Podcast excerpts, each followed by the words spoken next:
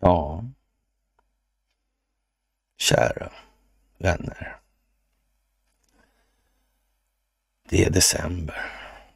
Mm. Ny vecka. Den här veckan blir ännu mer intensiv än föregående veckan. Allt handlar om optik. Allt handlar om eh, folkbildning. Mm. Så är det. Och det där är min mage. Mm. Jag drack just kaffe. Mm. Ja, vad ska man säga egentligen? Det rör på sig alltså. Mm. Det är ju det. Mm. Rena kroppen. Rena samhällskroppen. All offentlig makt utgår ifrån folket. Mm. Befolkningen skulle väl kanske kunna tänkas vara, men whatever då. då. Mm.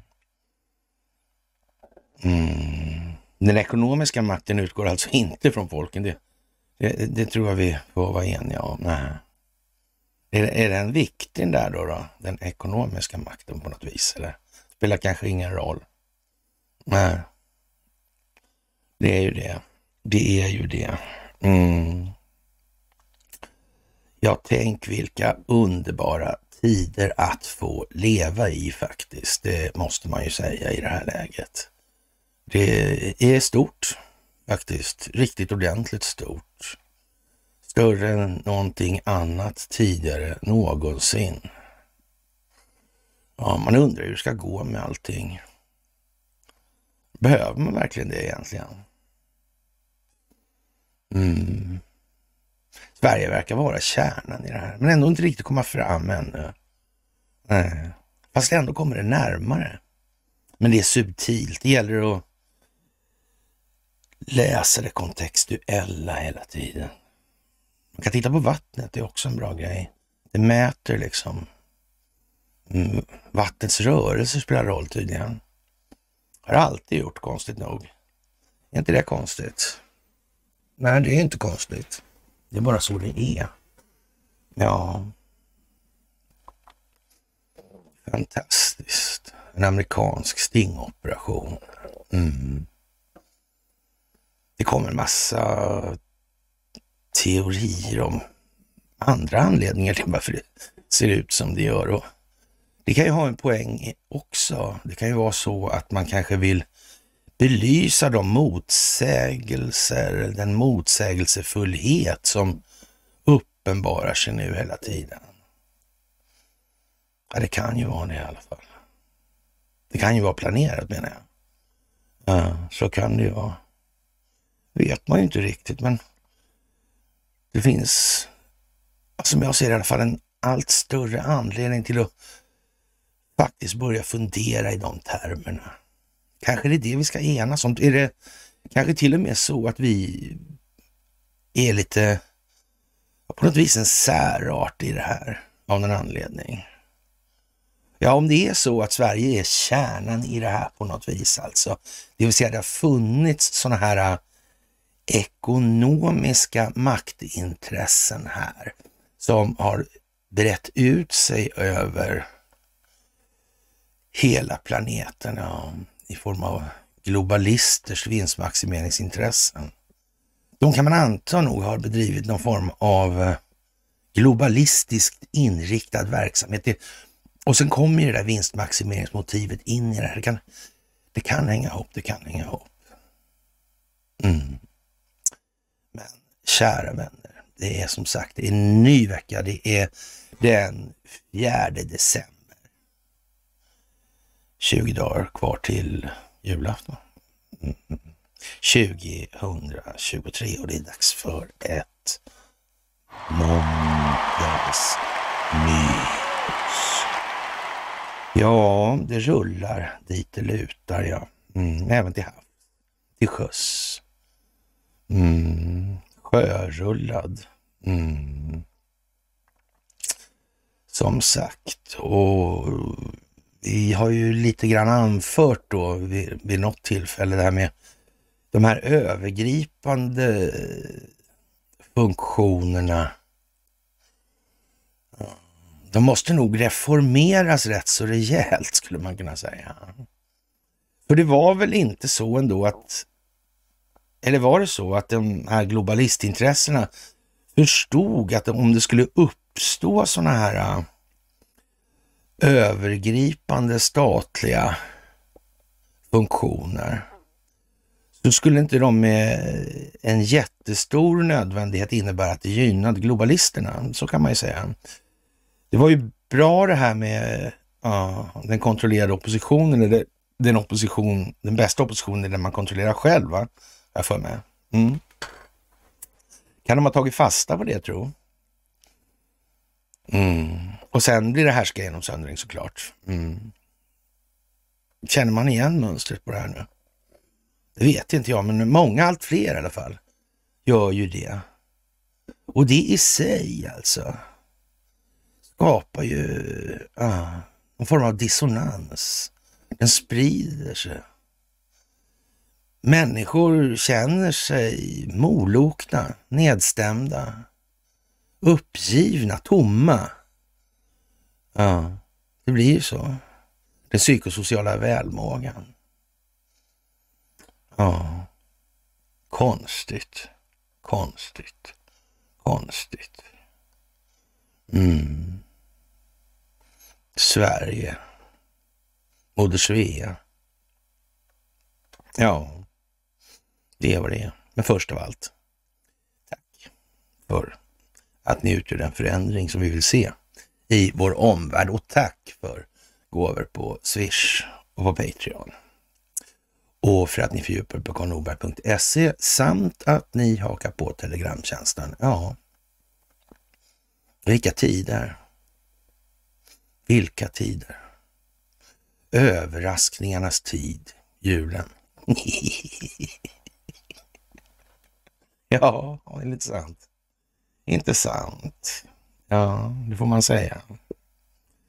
Och i det här läget där det handlar om den djupa staten då, den ska då motverkas koordinerat av en massa olika länder som har kommit på då att det här är ingen lyckad historia, att de här ja, globalistiska maktintressenas ekonomi går före mänsklighetens välmåga, ja då blir det ju lite som det blir här nu. Och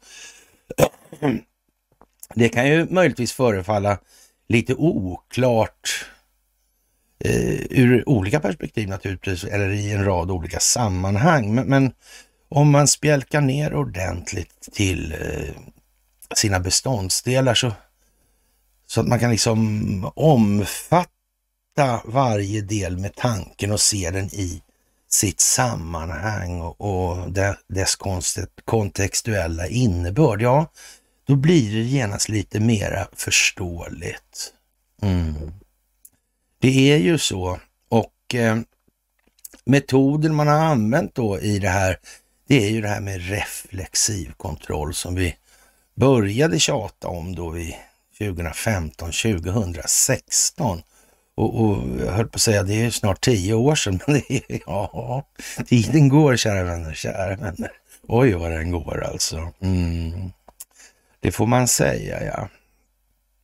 Och man måste liksom riva de här mentala barriärerna för att komma åt den djupa staten. För man har ju gjort det här på så vis att om man ska ta Sverige som exempel så det är ju klart att eh, om nu all offentlig makt utgår från befolkningen och den eh, ekonomiska makten är i princip oreglerad. Och varför säger jag så då? Jo, därför att det är väl ändå så att den här ekonomiska makten har varit den ekonomiska makten och det är ju gammalt det här alltså. Något äldre än Finlands självständighet som aldrig har funnits, eller på att säga. Men uh, nej, det är ju så. Det var ju det där med handelsplatser och strategiska förträngningar och naturresursflöden och såna här grejer. handeln, ja. Hansan. Vikingarna. Mm. Anskar. Mm. Och så vidare. Och det här visar ju sig vara ännu äldre. Det verkar som den här har suttit under väldigt lång tid. Kan det vara så att de här ekonomiska intressena har vidtagit mått och steg för att kunna skydda sin egen, ja, vad vi ska säga, filosofiska materialism ur ett välmågeperspektiv då alltså. Mm, att de själva tycker att det här är bra. Men inte nödvändigtvis alla andra tycker det är bra. Nej. För de har ju aldrig legat liksom på den kursen att de har tagit så lite betalt de kan. Nej. Så man kan väl säga att lagstiftningen i det här landet är nog tillkommen med en inte obetydlig anstrykning av gynnande för de här ekonomiska intressena. Det får vi nog fan utgå ifrån. Men frågan är ju då någonstans, är det verkligen ett rimligt ställningstagande till grund alltså? För samhällsbyggnaden? Ja, ja det förutsätter ju nästan att eh, inte alla människor förstår riktigt allting i alla fall, det kan man säga. Mm. Så, men vi kan gärna ställa krav på invandrare att de ska förstå väldigt mycket. Ja, men själva ska vi inte behöva förstå någonting. Vad beror det på att vi har hamnat i den här situationen? Beror det egentligen på att alla har förstått tillräckligt mycket? Det kanske inte är så. Så stolt svensk, vad är det för någonting? Ja, ur det perspektivet som jag beskrev här nu så är inte jag säker att det är någonting man ska ja, förhäva sig över. Det tror jag inte tror man ska låta bli det faktiskt. Det här verkar känsligt på något vis alltså. Ja. Ja, kylan ja, mörkret, tomheten. Mm. Ja. Riva barriärerna. Riva pyramiderna, sa Sassian en gång i tiden. Ja. På 80-talet. Ja. ja, det går inte att ha pyramider, det syns ju alldeles för bra. Det kan man inte ha någon. Nej, nej, nej. nej precis ja. Mm. Och eh, den djupa statens agerande då i det här är ju då mot den verkställande handens förlamning skulle man väl kunna säga. För det är väl så tror jag att Amerikas förenta stater har ju haft det här på tapeten rätt länge.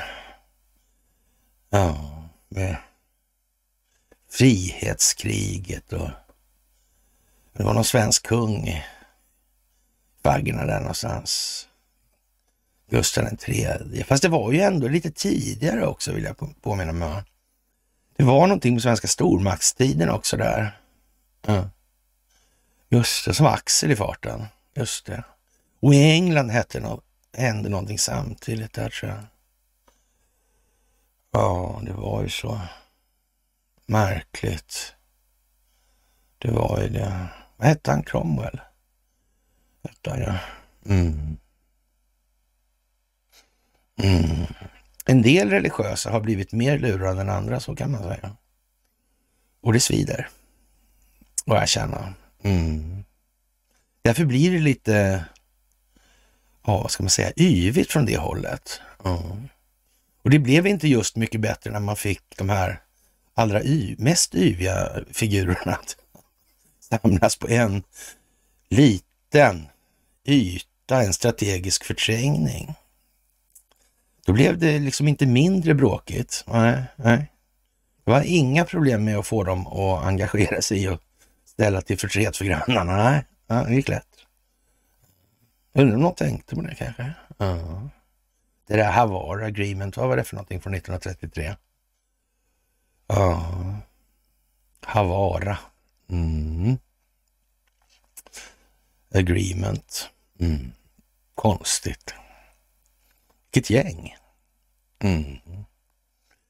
Och det här kommer slå in i Sverige, så är det ju. Det vet vi redan. Det har vi vetat hela tiden. Mm. Vi har inte chansat en sekund faktiskt. Det kunde bara bli så här. Faktiskt. Mm.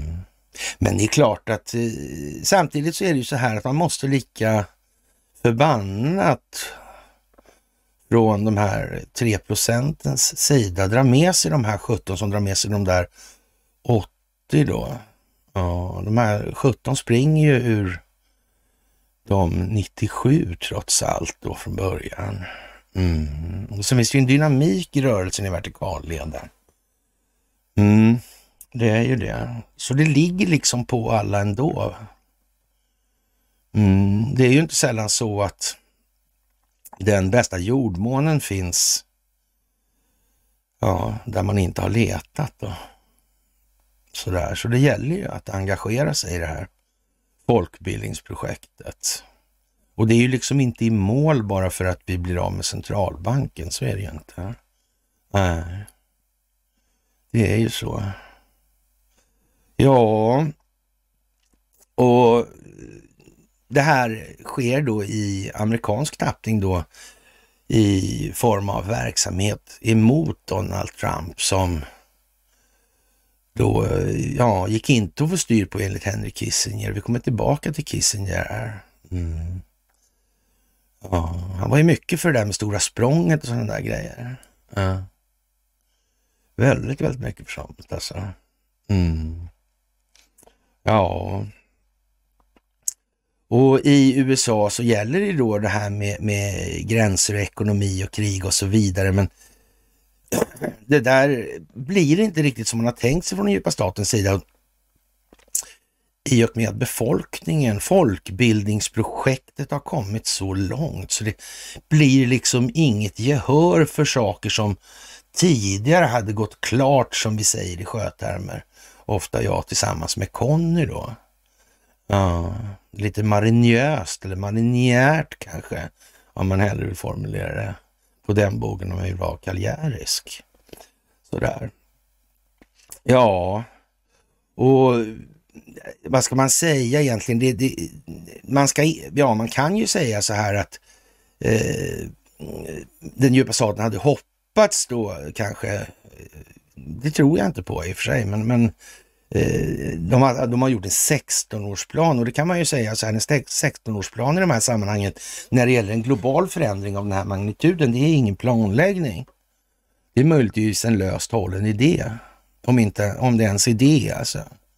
Eller kanske bara en stilla förfrågan om man, är, om man själv är allmänt dum i huvudet som tänker så här alltså. Och, och det gränsar nästan till det alltså. För så billigt går det inte. Nej, det gör ju inte det.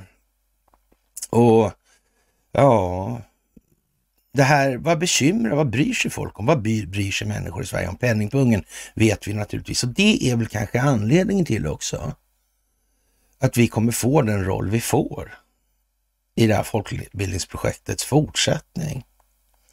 Ja. Vi har en formatering som andra ska akta sig för. Mm. Och inga känner till vår egen formatering bättre än vad vi själva gör. Nej. Svensken är tillsluten, tyst, kall, reagerar inte. Nej. Det är ju så. Mm. I Norrland har vi ett Indien, sa ja, någon som var i princip samtida med han Cecil Rhodes där. Mm. Vad sa Richelieu? Om Europa var ett fartyg så vill man ha en skeppare eller kapten som är Oxenstierna. Men vad menar han med det tror du? Var det för folkets bästa? Befolkningarnas bästa? Eller? Mm, kan man fråga. Franska revolutionen, vad var det för spektakel egentligen? hade nog fingrarna i det.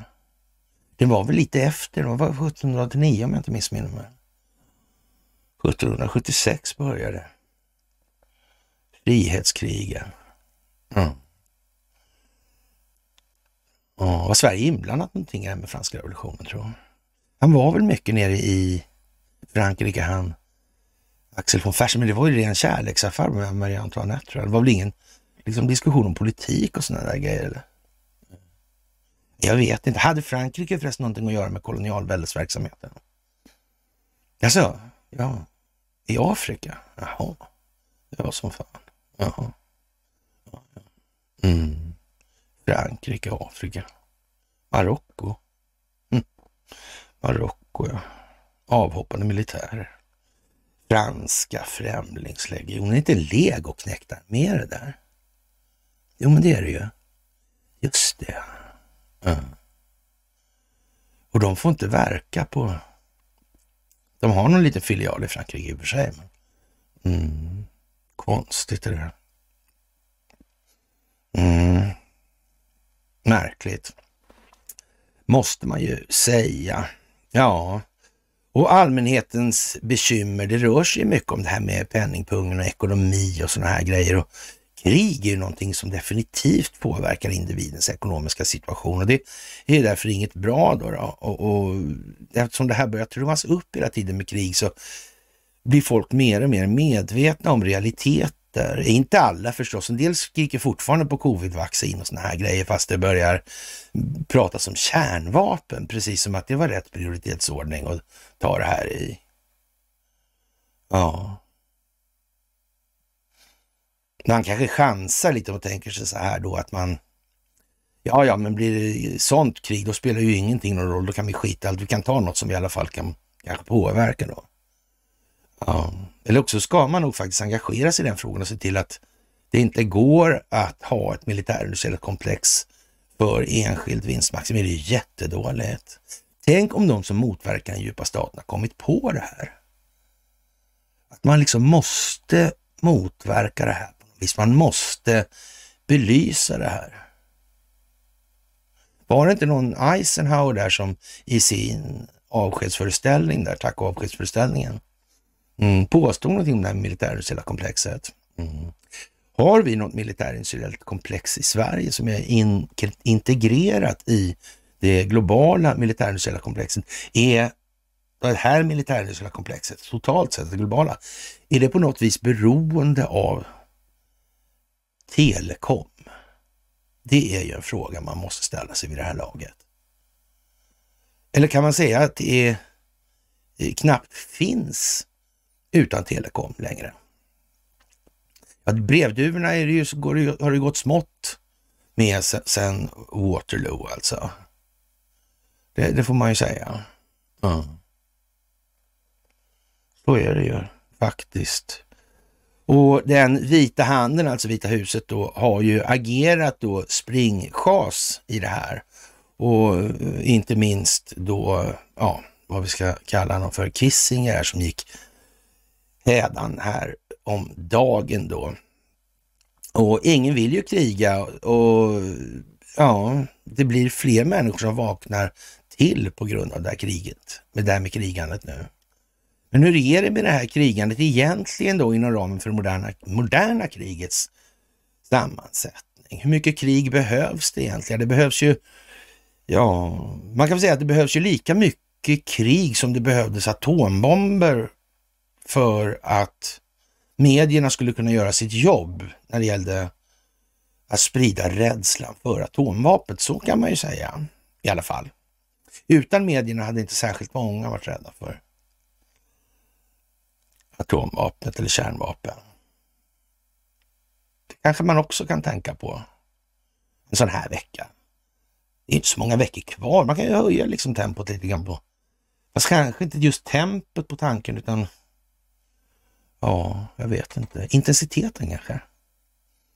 Mm, det kan ju vara så. Och ingen kan tack vare den här massmediala insatsen som var efter Hiroshima och Nagasaki se hur man kan vinna ett kärnvapenkrig. Där har vi en sån motsägelse som vi börjar med. Alla kan ju se det här är ju helt åt helvete. Mm. Och Donald Trump sa att vi måste rösta upp vår kärnvapenarsenal till dess att människor förstår den verkliga innebörden av atomvapnet. Och i den meningen ska man kanske lägga till att när det gäller då eh, ja, effekten av sprängverkan alltså, så är det ju ingenting som eh, på något vis kräver atomvapen. Det går ju att göra andra termobariska vapen som löser den frågan ja, hur lätt som helst. Och förbereder man dessutom målbekämpning, eller målytan då med, med sånt som brinner med hög hastighet. Man har, eh, teoretiskt sett om man hade då eh, spritt ut massor med aluminiumoxid eller motsvarande då. Något med hög brinnhastighet i alla fall. Mm. Ja, då var det som det var va? Om man hade gjort det i Japan där. Vi vet ju inte det, men rent hypotetiskt så. Ja, det många saker som var väldigt konstiga i de här sammanhangen.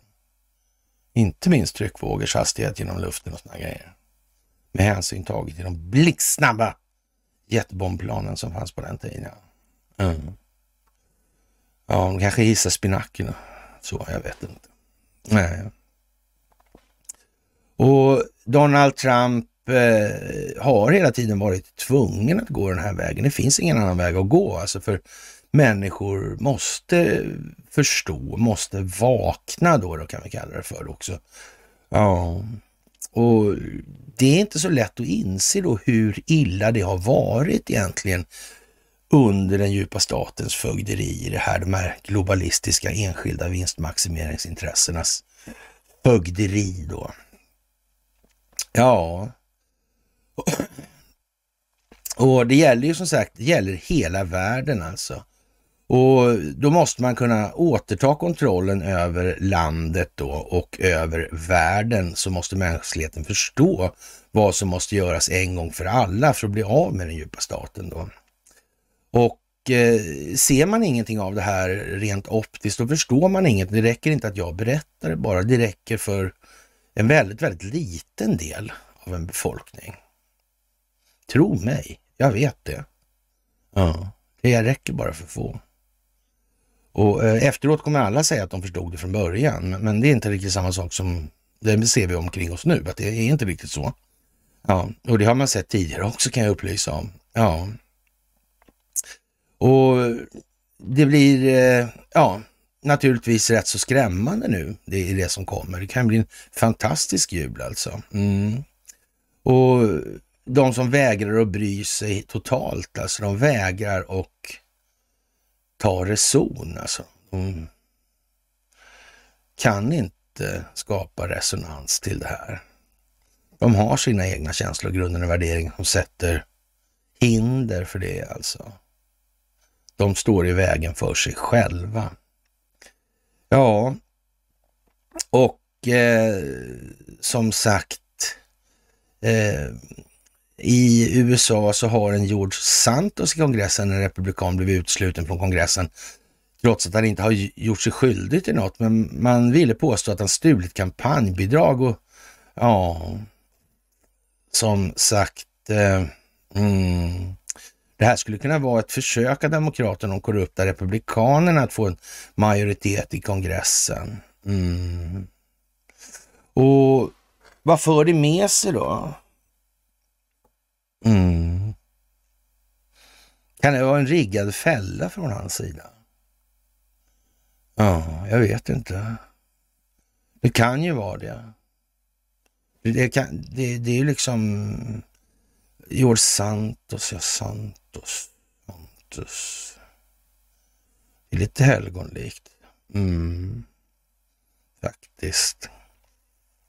Men nu kan man ju å andra sidan räkna med att det här går att göra med fler. Mm.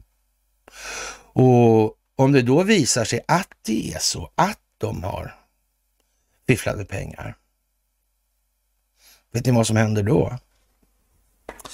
Då finns det någonting, en bestämmelse i det här. Det finns en expulsionsbestämmelse. Mm. Då kan man skicka dem på en gång i kongressen. Mm. Jag tror han Mark Levin tog upp det här tidigt alltså. Ja, det gjorde han. Det är många, många år sedan alltså. Man skulle rensa ut det där på något vis. Mm. Men det går inte i senaten riktigt på samma sätt. Nej. Men nu har man i alla fall skaffat ett slags prejudikat på det här och då kan man utesluta republikaner och korrupta eller korrupta republikaner och demokrater och rensa träsket en bit i alla fall.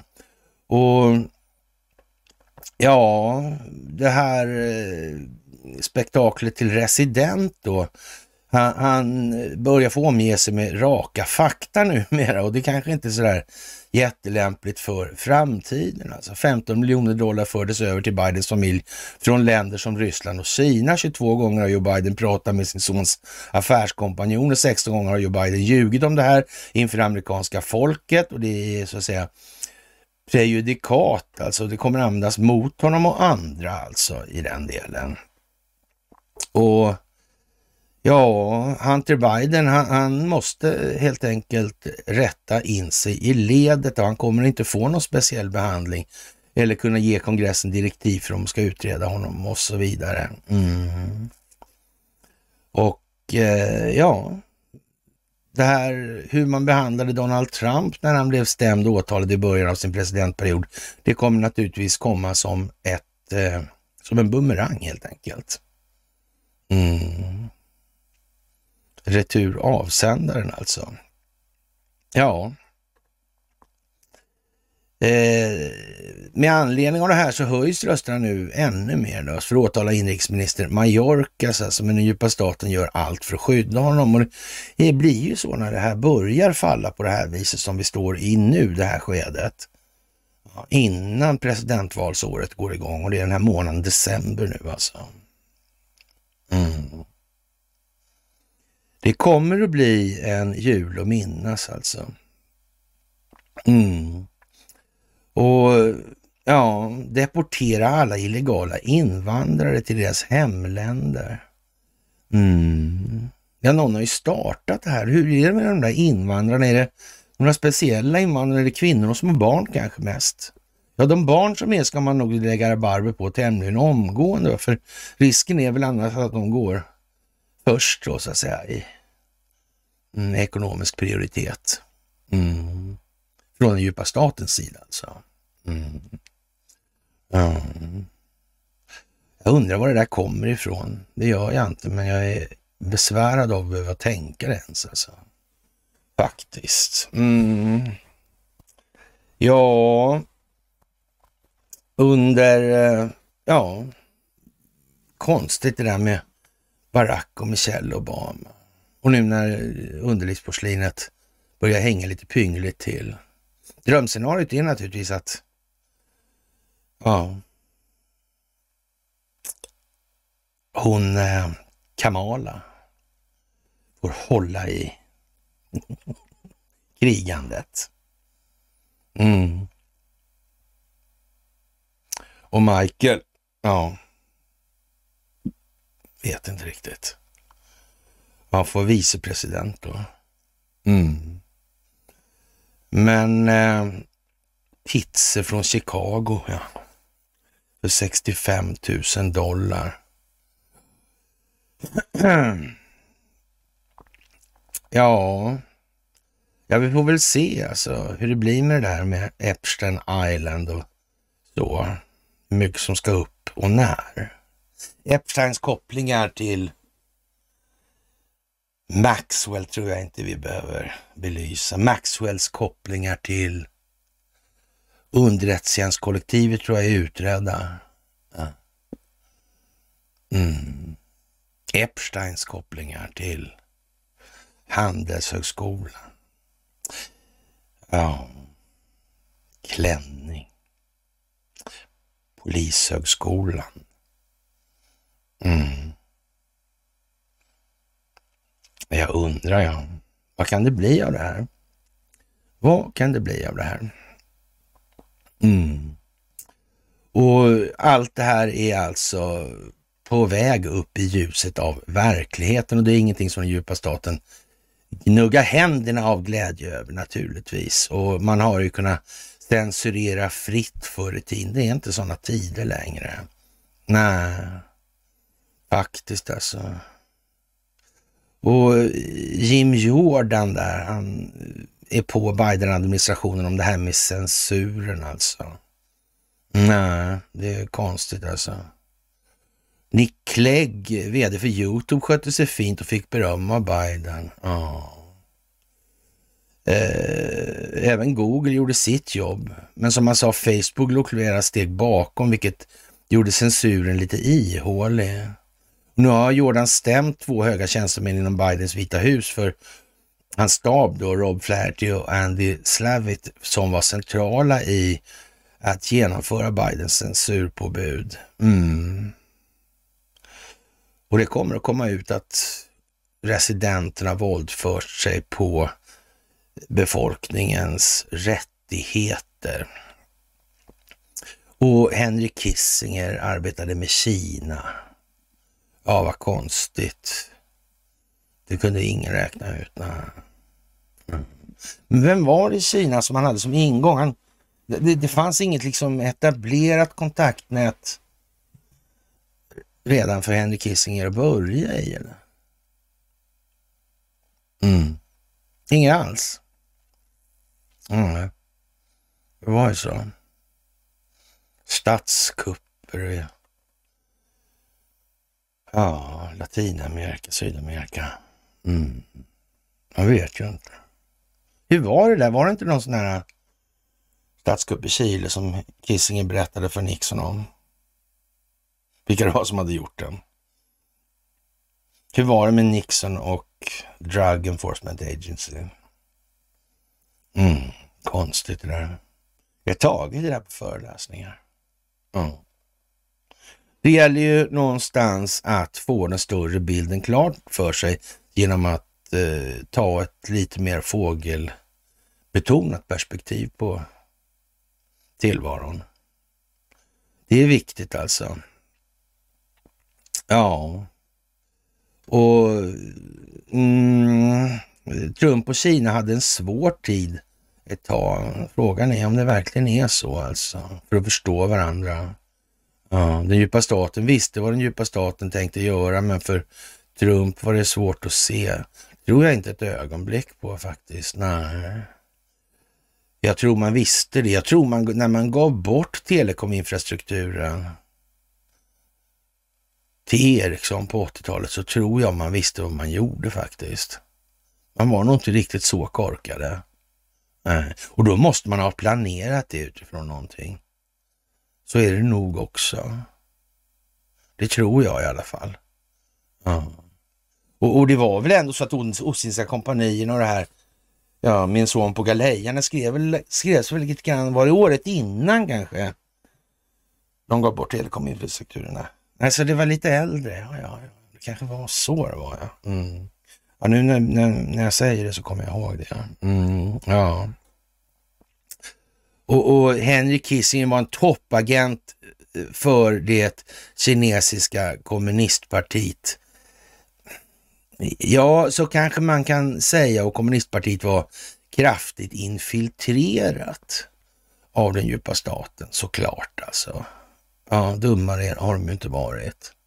Och, och de här mothandelsparterna i Kina då som man har hållit sig med från väst och de har naturligtvis spelat det spel som man har sagt åt dem att spela. Så är det ju också. Och ja, ja, Trump skriver citat från Henry Kissinger, vare sig du gillar eller inte. Donald Trump har kontroll över Kina som ingen annan tidigare har haft. Man kunde inte förstå det och, och fram till idag kan ingen eh, förstå det. Är det så? Eller kan man förstå det? Kan man förstå att Xi Jinping var ja, protegé, va? Mm. Och att han som var försvarsminister och gav bort den här rätten med telekominfrastrukturen. Kanske han har koll ända sedan dess alltså. Han vet ju inte riktigt. Ja, är det svårt då att se att Donald Trump och han faktiskt kommer överens? Är det det? Jag vet inte, jag tycker inte det verkar vara omöjligt. Ja. Någon som spelar på andra sidan staketet däremot verkar heta Myrdal, ja. Ja. Förstod han det här verkligen? Jag hade korrespondens med honom när han livet alltså. En del. Jag vet inte, han är säkert, vad ska jag säga, han är nog begåvad på några sätt, det kan man nog säga. Men andra sätt så, an, ja på andra sätt så, så nej, nej, inte, inte till fullo kanske. Inte ens nöjaktigt alltså. Nej, faktiskt. Ja, och, och ja, nu förstår man bättre varför man måste bli av med Trump. Det gick inte att kontrollera honom alltså, inte som Bush, Clinton eller Biden. Och, ja, det är konstigt. Men jag vet, den slutsatsen är väl inte riktigt sådär äh, djuplodande om man säger så. Men då å andra sidan är det där från X22, va? då får man finna sig i att de kommer att gå igenom det här med en uppfattning om vad inflation är för något. Och vi svenskar i allmänhet, eller då vi svenskar i synnerhet som deltar i den här muntrationen, då, vi har en lite annan syn på det här med vad inflation är. Och, och de här språkliga, vi förstår det här med ordens värde i den meningen att de här språkliga glidningarna, det gör hela skillnaden helt enkelt. Regn är inte en blöt trottoar, gärna man vill det så är det inte det. Det är två olika saker. Mm. Och så vidare. Ja, det är ju för jävligt alltså. Och det här med Nordkorea och Donald Trump höll tal då i Cedar Rapids i Iowa och ja, han berättade lite om vad som händer och det var inga problem då för fyra år sedan och nu är vi tillbaka till läget före mitt möte med Kim Jong-Un. Vem, vilka är det som är skyddsambassad där egentligen? Skyddsmakt? Heter det. Mm. Har det någonting med någonting att göra? Är det så att det har funnits produktionsverksamhet i Nordkorea dold från omvärldens insyn. Som globalistföretag kanske har utnyttjat på något vis. Jag vet inte det, alltså. men man skulle nästan kunna säga att man skulle bli lite förvånad om så inte var fallet. Äh. Tänk de här dyra Volvo-bilarna som vi aldrig fått betalt för. Varför, varför har de inte, Kommerskollegium, varför har de inte slagit näven i bordet för? Nej. Ja, det är ju konstigt. Mm. Det kan man ju säga alltså. Och mm, eh, märkligt i alla fall. Och det här med, med situationen i gas på Gazaremsan här och de här utväxlingarna och, och vad händer där egentligen alltså? Mm. Och då Pentagon som säger att amerikanska krigsfartygen har blivit attackerade i Röda havet. Mm. Varför se, får vi inte se några filmer från Ukraina? Och de filmer vi får se från Gazaremsan, de har ju i alla fall inte i någon obetydlig utsträckning visat sig vara fejk. Det verkar ju vara medierna som gör det här på något vis. Är de inte medvetna om att det är fejk? Eller är de medvetna om att det är fejk? Ja, man kan ju undra alltså. Ja, de måste ju ha någon tekniker som kan kolla på tidsstämplar och så. Jag vet inte. Ja. Jaha, och eh, naturligtvis då lite småbrasor sådär, men terroristattacker alltså. Ja. Och vad är det här för någonting? Är det riktiga terroristattacker eller är det hålsflaggattacker eller är det till och med eh, teaterattacker? Det vet man ju inte. Nej, det verkar också vara på det här viset nu att man eh, börjar flagga upp lite för att det är en oerhörd mängd skådespelare inblandade i det här. Och, och ja, Sverige lider ju sannerligen ingen brist på pretendenter i den genren i alla fall. Och sen om de är vanliga svenskar i då sitt intellektuella utspelande eller inte, det vet vi ju inte riktigt, men det lär ju visa sig, men det saknas ju inte eh, teatraliska ja, kvaliteter. Nej, det gör det verkligen inte. Jag förlåter er aldrig. Ja. Eller kanske det här handlar om hur den djupa staten ska fungera. Eller ja. Mm. Jag tänker att man kan vara så jävla dum i huvudet. Eller We're not drunk yet, Mr State Secretary Kennedy. Okej. Okay. Han var visserligen utrikesminister Kerry, men han hette fan inte Kennedy. Men själv, det var någonting annat med den här Kennedy kanske som spelade roll, jag vet inte. Ja, och, och, Donald Trump eh, sa i Iowa dessutom eh, att 26 000 unga kineser har kommit in i USA. Konstigt. Ja. Bygger man armé kan man fråga sig då. Mm. Ja, vi får se. Och det här... Eh, mm, kommer det att bli krig? Varför skulle det bli krig? Mm, ja, varför skulle det bli krig? Är ni oförskämd? Naturligtvis. Naturligtvis. Mm. Det finns människor som förstår och förstod redan då. Det fanns en mening, en andemening, en ja, kontextuell innebörd i det här när det författades. Tänka sig, vad konstigt. Ja, eller var det bara det blev bara så? Det flög förbi liksom som någon sa häromdagen. Det bara flyger förbi och så blir det så. Ja. Mm. Och som sagt, eh, mm. och fler och fler eh, färgade då, eller vad man ska kalla det för. Jag vet inte fan alltså. Ja, varför man väljer att göra, varför göra ens en eh, distinktion däremellan? Det, Ja. Det måste ju finnas svarta väljare, då måste de ju vara svarta, annars är de ju inte svarta väljare. Om då är de bara väljare. Mm. Men vad det liksom? Varför har Sverige minoritetslagstiftning, särlagstiftning för positiv särbehandling? Hur kommer det sig egentligen? Vad beror det på?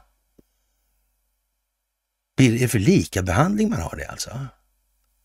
Ja. Det har gjort att vi har ju haft det länge alltså. Ja. Och det har medfört att, nu ska vi inte säga att då till exempel samerna inte har fått det ekonomiskt bättre. Men det å sin sida har ju inte gjort eh, den övriga befolkningen mindre avig mot samer, utan konstigt nog tvärtom. Ja, ja. Det var ju märkligt. Mm. Ja, men, men, men det var ingen som tänkte på det, eller det var inte meningen, eller? Men det bara blev så alltså. Ja. Ja, det här med antisemitism är, jag vet inte. Kan det vara så att det kommer tillbaka och biter någon i arslet? Mm. Svenska kommittén mot antisemitism klarar sig otroligt dåligt utan antisemiter. Det måste finnas antisemiter. Annars behövs inte Svenska kommittén mot antisemitism. Ja. Och då får man göra som Kajsa Warg sa. Ja. Då får man väl skapa lite antisemitism, och det är i alla fall tecken på antisemitism då. Vilket jävla begrepp alltså. Och det är klart, där kan vi snacka om språkliga glidningar. Det kan man nog fan säga. Det är inte Bambi på halisen alltså. Nej, det är det inte. Mm. Och den här jävla isen lutar. Det är ett sluttande plan dessutom. Ja, och några broddar, det har inte det där lilla rådjuret alltså. Nej. Nej, nej. Faktiskt. Det är speciella tider och, och ja, det här med åklageriet och rättsväsendet och mm, ja, det där är, är speciellt får man säga. Men det här är alltså gjort för att skapa den här optiken och ingenting annat. Det kommer att bli bra. Ja, men människor måste förstå, människor måste släppa sina känslogrunder och värderingar. Och jag vet inte hur många jag sagt det nu. Det börjar bli många gånger. Men trägen vinner som bekant alltså. Även i det här sammanhanget. Och försvarsindustrin då, ja, minskade intäkter för vapentillverkare trots högre efterfrågan då. Och, och det låter ju förfärligt eländigt ekot idag. Och ja, trots ökad efterfrågan, ökande efterfrågan på vapen så minskade inkomsterna för världens hundra största försvarstillverkare under ja, förra året med 3,5 procent. Och det visar en ny rapport från Stockholms fredsforskningsinstitut, SIPRI. Och jag vet inte vad vi ska säga om det här med SIPRI i den meningen, men, men eh, att inte Sipri är finansierat, det är, har vi nog svårt att tro alltså och så vidare och så vidare. Mm. Men, men det är klart att det, ja, det är väl lätt att sätta, lättast att sätta in det där. Då får det väl bli där då, då. Och en av forskarna bakom rapporten menar att minskningen visar hur långa ledtider det är mellan beställning och leverans av ett vapensystem. Ja, det kommer som en överraskning faktiskt. Det är ju jättekonstigt alltså. Ja. Men däremot kan Ryssland invadera här på fem minuter. Det är inga problem. Ja. Man kan säga att det moderna kriget ser inte riktigt ut som den mediala bild vi får oss livs. Hur kan det komma sig? Var, var, varför är det så? Varför är det en skillnad ens däremellan? Borde inte det vara exakt samma sak liksom? Tänk om det här militärindustriella komplexet med de här ledtiderna som var oväntat långa. Tänk om det ägs och drivs och styrs av samma globalistintressen. Mm. Bara att det går i land med att säga något så jävla dumt som att om inte vi säljer det så gör någon annan det. Ja, då är det bättre att vi tjänar de pengarna, alltså blodspengarna.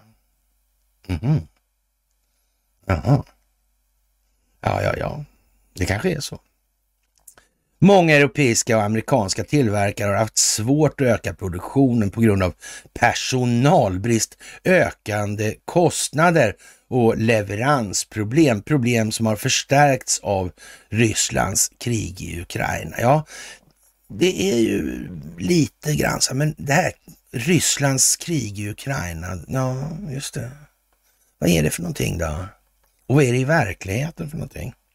Vad är liksom uppsåtet bakom den här tillställningen? Ja, det har de ju i alla fall ut, liksom uttryckt ordentligt, att Ukraina ska bli ett neutralt land med Sverige som förebild. Mm. Varvid eh, numera den på något vis ja, skriker efter ledare. Varför har inte de ledare där? Uh, Viggenpiloten eller jag säga, flyg... Uh, käka flygargossarna. Uh. De hade ju för lite lön där som taggade. Men eller hur vart det där alltså? Men konstigt i alla fall. Men de var ju till salu i alla fall. Det var ju inget snack om. så. Mm. Finns det fler som är till salu? De här som uppträder i medierna, om vi nu säger att de här leker med tanken att de här medierna faktiskt är ägar, ägardirektivstyrda. De här militärerna som säger saker där, vad är det för någonting? Mm. Ja, man kan väl säga så här att Joakim Paasikivi, han har i alla fall en, hade en farfar va, tror jag va? Mm. Mm. Och vi säger Mannerheim och vi säger Hitler. Han kanske missade det. Jag vet inte. Finska självständigheten, vet du fan, har han missat den också alltså? Ryssarna har i alla fall kommit ihåg den. Mm, vi kommer tillbaka till det faktiskt. Ja, det är lite udda det här nu, får man nog säga. Det blir liksom många motsägelser som gör det klart, skapar en optik som visar att här är det någon som ljuger avgrundsdjupt alltså. Ja. Och, och, det är inte precis så att medierna upplyser oss om det, det måste vi se själva. Så här långt kan man få medierna att gå. Mm. Men vi kommer inte få skriftligt på att vi har ljugit, bedragit och jävlats i största allmänhet. Mm. Ja. Och reserven är inkallad. Sverige importerar el nu alltså. Och frågan är väl då alltså om svenska befolkningen är så girig att den hellre fryser ihjäl än att börja använda hjärnan. Det är på det, den nivån vi befinner oss nu. Ja, och det är rejält kallt i hela landet. Då blir elsystemet bräckligt. Såklart oljekraftverket i Karlshamn, det famösa eller infamösa, kanske är därför satt i beredskap och ska kunna starta på två timmar om det behövs, om så behövs. Så frågan är väl då, men vad, vad säger miljörörelsen om det då? Vadå starta oljekraftverket i Karlshamn? Vad är det för jävla fasoner? Det är ju liksom koldioxid. Och, och en annan sak som är häpnadsväckande konstigt, må, måste jag ju säga att jag tycker alltså. Och jag vet inte, eh, att inte liksom man tar fasta på det här riktigt med, ja vad ska jag säga, den här eh, klimatgrejen alltså. Det tycker jag är lite udda faktiskt. Mm. Och, och, det här är ju liksom inga nyheter alltså. Det, fanns en dokumentär från 2007 alltså och, och mm, Ja, det finns en forskning, forskning på det här och forskare menar bestämt då att klimatförändringarna inte kan tillskrivas enbart den mänskliga faktorn och dessutom förklarar inte eh, ett sådant förslag 400 eller 4,5 miljarder år av eh, klimatförändringar. Nu har jag ju ljugit lite grann om historieskrivningen och sådär, men några 4,5 miljarder år, det är några tusen år, eller kanske något sånt där va? Kanske till och med hundra, jag vet inte, men länge i alla fall. Men det är inte 4,5 miljard år i alla fall. Och, och eh, författarna noterar att de naturliga förändringarna av CO2 som orsakas av temperaturökningen är tre gånger större än, än de 4 procent som möjligen kan produceras av människor och alla bevis från analysen tyder på ett enkelriktat potentiellt kausalt samband med temperaturer som orsak och CO2 som effekt. Alltså det är tvärtom emot vad klimatmodellen antyder. Hur kan det här komma sig? Varför är det ingen som har sagt något? Är det en del i folkbildningsprojektet? Greta. Varför gör de sådär? Vem säger åt henne att göra det där? Vi har ju den här bilden med pedofrasi, va? Och en herr Wallenberg i snörena. Andra änden på snörena ska jag säga. Mm. Ja, det där är konstigt alltså. Och priserna går naturligtvis upp och det är ju i alla fall någonting som får svensken att reagera. Och när går det här äh, gränssnittet där när, när svensken börjar skita i miljön för att gynna sin egen plånbok. Hur djupt går det här egentligen? Är det ett problem att det är så? För om, det, om vi nu hypotetiskt leker med tanken att det här faktiskt skulle vara så illa som man säger inom klimatsektorn. Mm.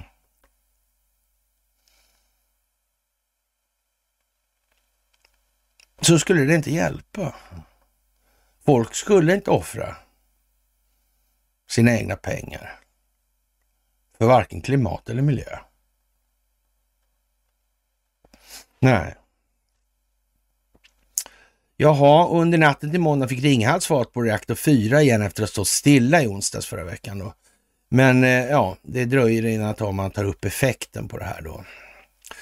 Och som sagt, eh, Roger Stone säger att Kissinger was a top agent of the Chinese Communist Party. Och jag vet inte vad man ska säga. Och efter att han hade lämnat sin position som utrikesminister blev Henry Kissinger en betald agent för det kinesiska kommunistiska partiet. Och I Roger Stones fall så får man ju nästan anta att det här handlar om den amerikanska hemopinionen och där är det inte någon idé att börja Eh, informera amerikanska befolkningen om en massa vidlyftigheter om den djupa statens existens i Kina och, och liksom Panda Electronics och Jack Ma och, och Börje Ekholms roll i Alibaba och så vidare.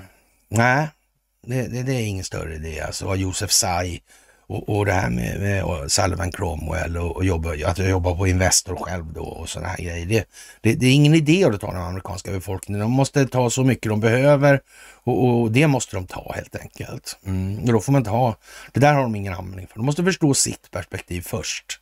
Ja, och sen kan man fördjupa sig efter det. Mm. Och det har gått så långt nu så det förefaller som att de ska gå igenom det här med en idé om att inflation är prishöjning eller prishöjningar är inflation. Höjer man priset så flödar in pengar. Ja, jag vet inte. Det, det är liksom så dumt det Men som sagt, Roger Stone, ja, han gör det han gör och, och det är meningen att han ska göra det. Och eh, det här med Kissinger är fantastiskt att han inte hade några särskilda företagsintressen vars ärende han sprang i den falska solidaritetens altares rännarbanor. Och vi, som sagt, vi minns eh, Drug Enforcement Agency, Nixon, Argentina, Chile och så vidare och så vidare. Milton Friedman kanske inte minst.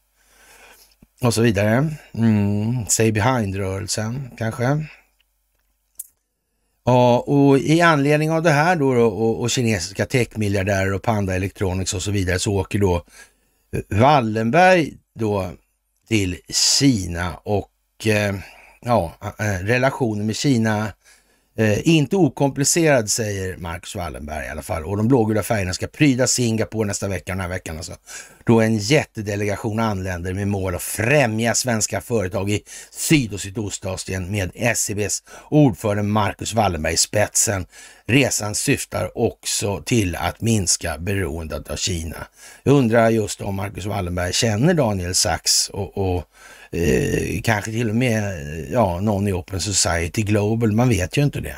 Nej, det vet man ju inte. Men man kan ana. Man kan ana i alla fall. Och, och det är ju aldrig fel alltså. Nej. Och som sagt, det gäller att hålla koll på flödet i Ljungan nu. Det är högre än vad jag har sett tidigare.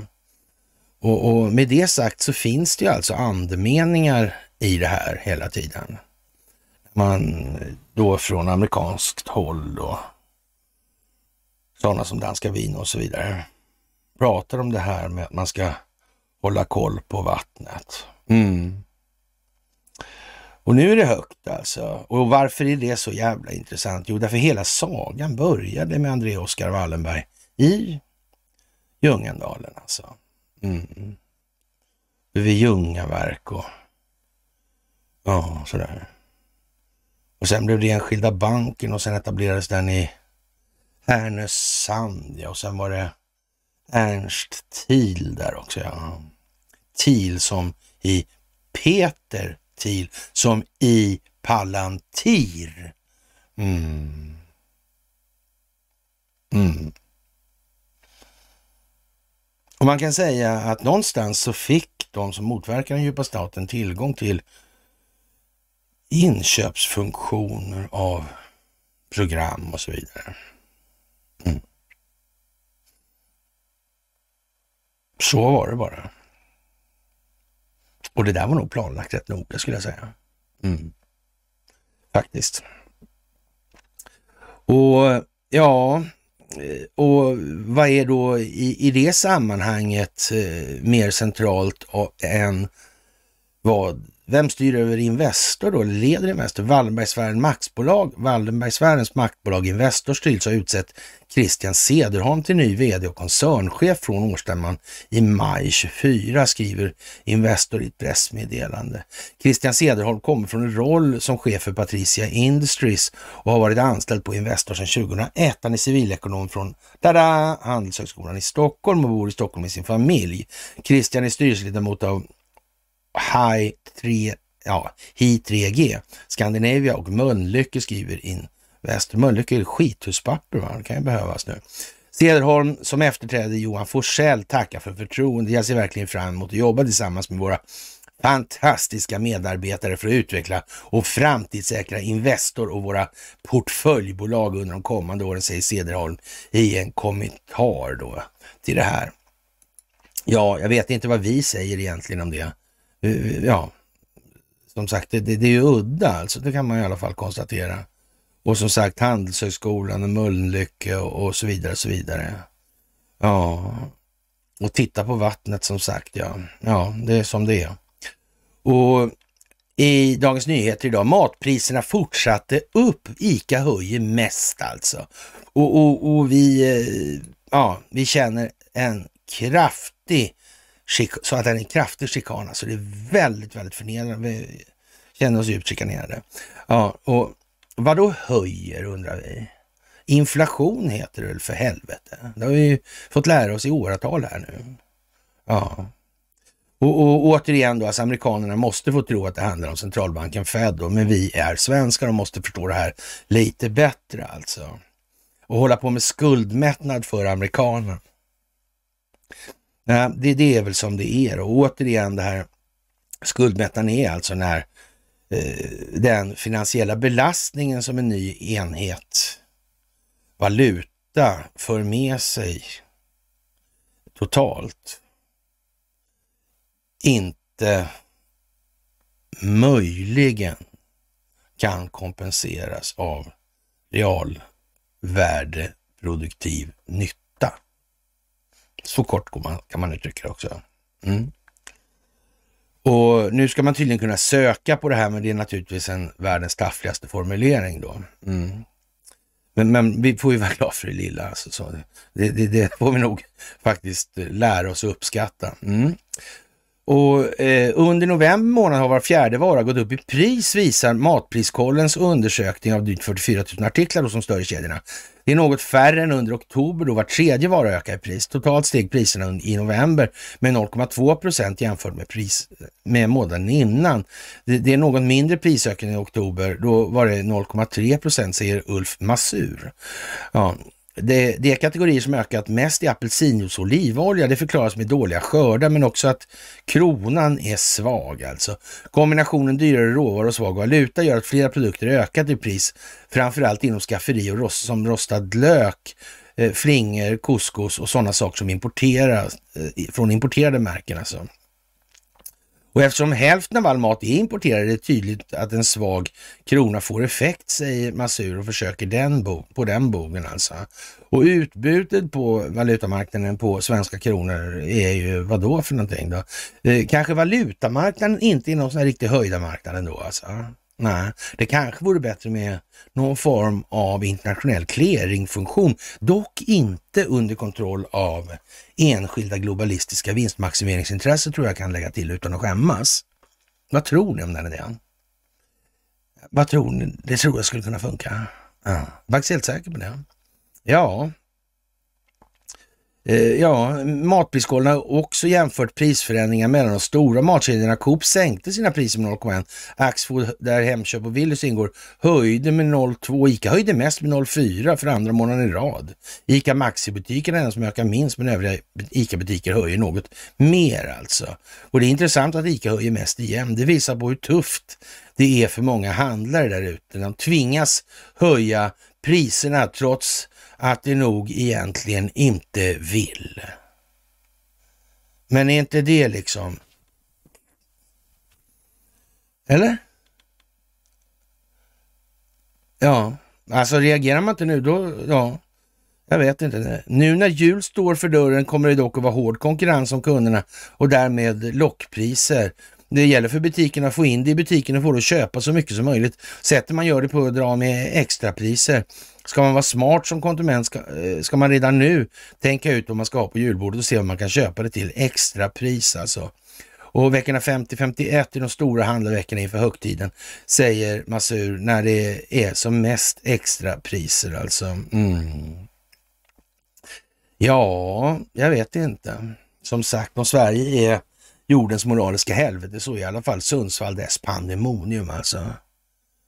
Det är bara så. Mm.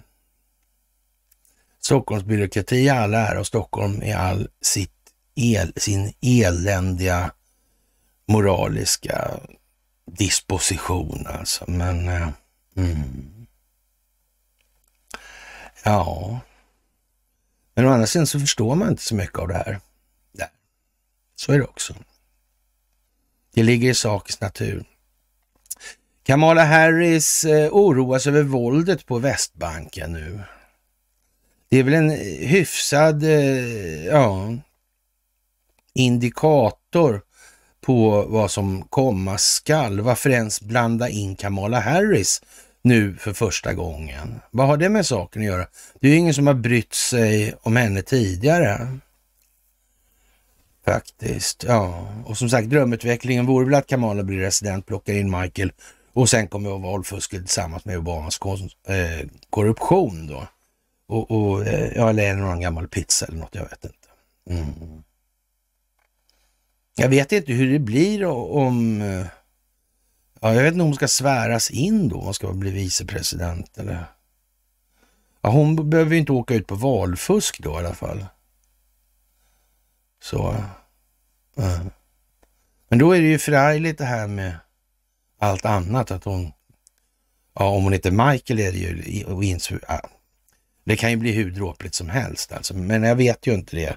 Och, och, och vi, det, det, är ju lite spännande därför att se också hur den här dramaturgin är upplagd alltså. För den är upplagd. Det var inte så att man planerade det här redan när man lurade Ericsson att ta över det här i Kina. Det var inte så att man planerade det då. Och så glömde man själva sluttampen på det här. Nej, så var det inte. Faktiskt. Som sagt, eh, nu är det dags att titta på vattnet för snart kommer gryningen och det handlar om Alex Schulman. Och det handlar, vattnet i den artikeln handlar om snö och med snön visar sig vanvården jag själv upplevt. Det är en sån här grej som eh, Alex Schulman skriver en eh, lite kort artikel sådär som, ja, jag tror många känner igen sig i, alltså i det här. Och, och tyvärr alltså. Jag går ut med hunden, pulsar i snön genom en allé. Det är eftermiddag, redan svart men, och fullmånen bakom träden är gigantisk. Jag tar en bild men den blir inte så bra, liksom, inte så lyckat. Mm. Det börjar snöa igen, ymnigt och jag tänker för mig själv, vad är det här för väder? Snö som faller och sen ligger kvar. En kyla som håller i sig. Det är något som inte stämmer. Den här snön kommer från en annan tid. Den här snön kommer från vintrarnas tid. Den kommer från 80-talet. Det var annan vinter då, minns ni det? Varför ändrade det sig? Var det klimatuppvärmningen? Kanske eh, det blev varmare på något vis, eller kanske inte ens, men ja, nästan en konstigt det där. Totalt sett så om man bara försköt den här värmen hitåt och ditåt så blev det ju inget varmare. Alla minnen av snö jag har är från barndomen, de långa vintrarnas tid. Jag drar en snowracer upp för en snötäckt kulle och står på toppen en stund. Så tittar jag ner. Det är en gatlykta som står där och snön faller under skenet som min saga. Det är så kallt att atomerna knappt rör på sig. Ljud kommer inte fram. Motorvägen bakom skogen hörs knappt. Luften är blå. Eh, jorden befinner sig mitt i rymden. Jag sätter upp mig på snowracern och sen åker jag den lilla korta backen ner och, och sitter kvar en stund på sadeln. Sen drar jag den upp för slänten igen och så gör jag om det här.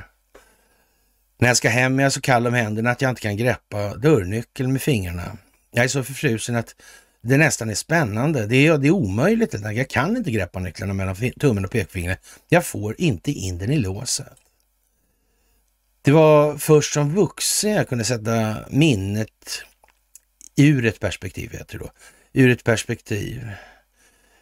Ja, en kompis som utbildade sig till läkare frågade om jag frös mycket som barn och när jag, jag förstod inte riktigt frågan. Klart jag frös, alla frös. Vi, vi var barn. Nej, alla frös inte. Och så berättade han för mig att vuxna som arbetar på skolor eller andra sätt med, med barn då utbildas numera i sett tecken på om ett barn behandlas illa i hemmen. Det stora problemet är att barnen är så skickliga på att dölja det här. Hemligheten hemifrån, den mamma dricker eller att pappa slår, måste till varje pris bevaras. Men när vintern kommer avslöjas det ofta till slut för de är nästan alltid för tunt klädda. Barnet utan vantar under snöbollskriget, barnet i jeansjacka fast det är minusgrader ute. Det blir vintern som gör att vi till slut får upp ögonen för dem. Jag gick till mina föräldrars gamla fotoalbum och hittade ett album från vintern 86. Vi firar jul i de värmländska skogarna. Bilderna knarrar av kyla, granarna är tunga och snö. Och där är mamma och pappa och där är jag ute i vinterskogen. På alla bilder bär jag en röd vindjacka. Eh, vi som alltid skrattade åt den jackan, hur ful den var och hur ful jag var i den. Nu tycker jag det bara är sorgligt. Och när jag tänker på pojken med snowracen utanför vant, utan vantar eh, mitt i vintern, jag som alltid sett det som ett ljust minne av ett visserligen ensamt men ganska lyckligt barn som drar sin kälke upp för en kulle om och om igen under en svart eh, vintereftermiddag. Nu vet jag att det finns ett namn för den sortens vanvård och det kallas eh, fysisk neglekt. Och jag vet att den finns överallt och det är nu den visar sig när kylan kommer och snön faller. Hur är det med kärnfamiljen i Sverige egentligen? Det är ju det fundament individen bygger sin uppfattning om relationer till andra människor på då. Mm. Är det bra det här tror du? Eller är det så att snön faller och vi med den just nu? Ja, det är nog lite så att den här självbilden är väl precis som i Alex Schulman där. Den är ingen vidare. Och jag trodde ju aldrig att jag skulle sitta och läsa någonting, men där ser man alltså. Där ser man. Mm. Det är ju lite speciellt får man nog tillstå, trots allt. Ja, och jag är väl inte direkt känd för att undvika min syrlighet. Nej, jag tror inte det i alla fall.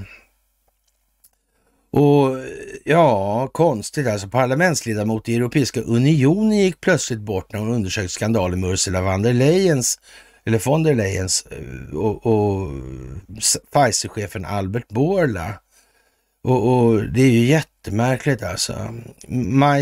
Michel eh, Rivacci, en fransk parlamentsledamot från gruppen Greens, European Free Alliance som undersökte skandalen med anknytning till Ursula von der Leyen dog plötsligt av en hjärtattack i Bryssel innan han besökte Europaparlamentet. Eh, ja, hon förberedde, han eller hon, ja, förberett ett omfattande underlag om skandalen som involverade chef för Europeiska kommissionen. I månader kämpade hon för att få information om EUs hemliga kontrakt med Pfizer samt tillgång till Ursulas sms-korrespondent med generaldirektören för detta företag Albert Borla i samband med upphandlingen av vacciner mot covid-19.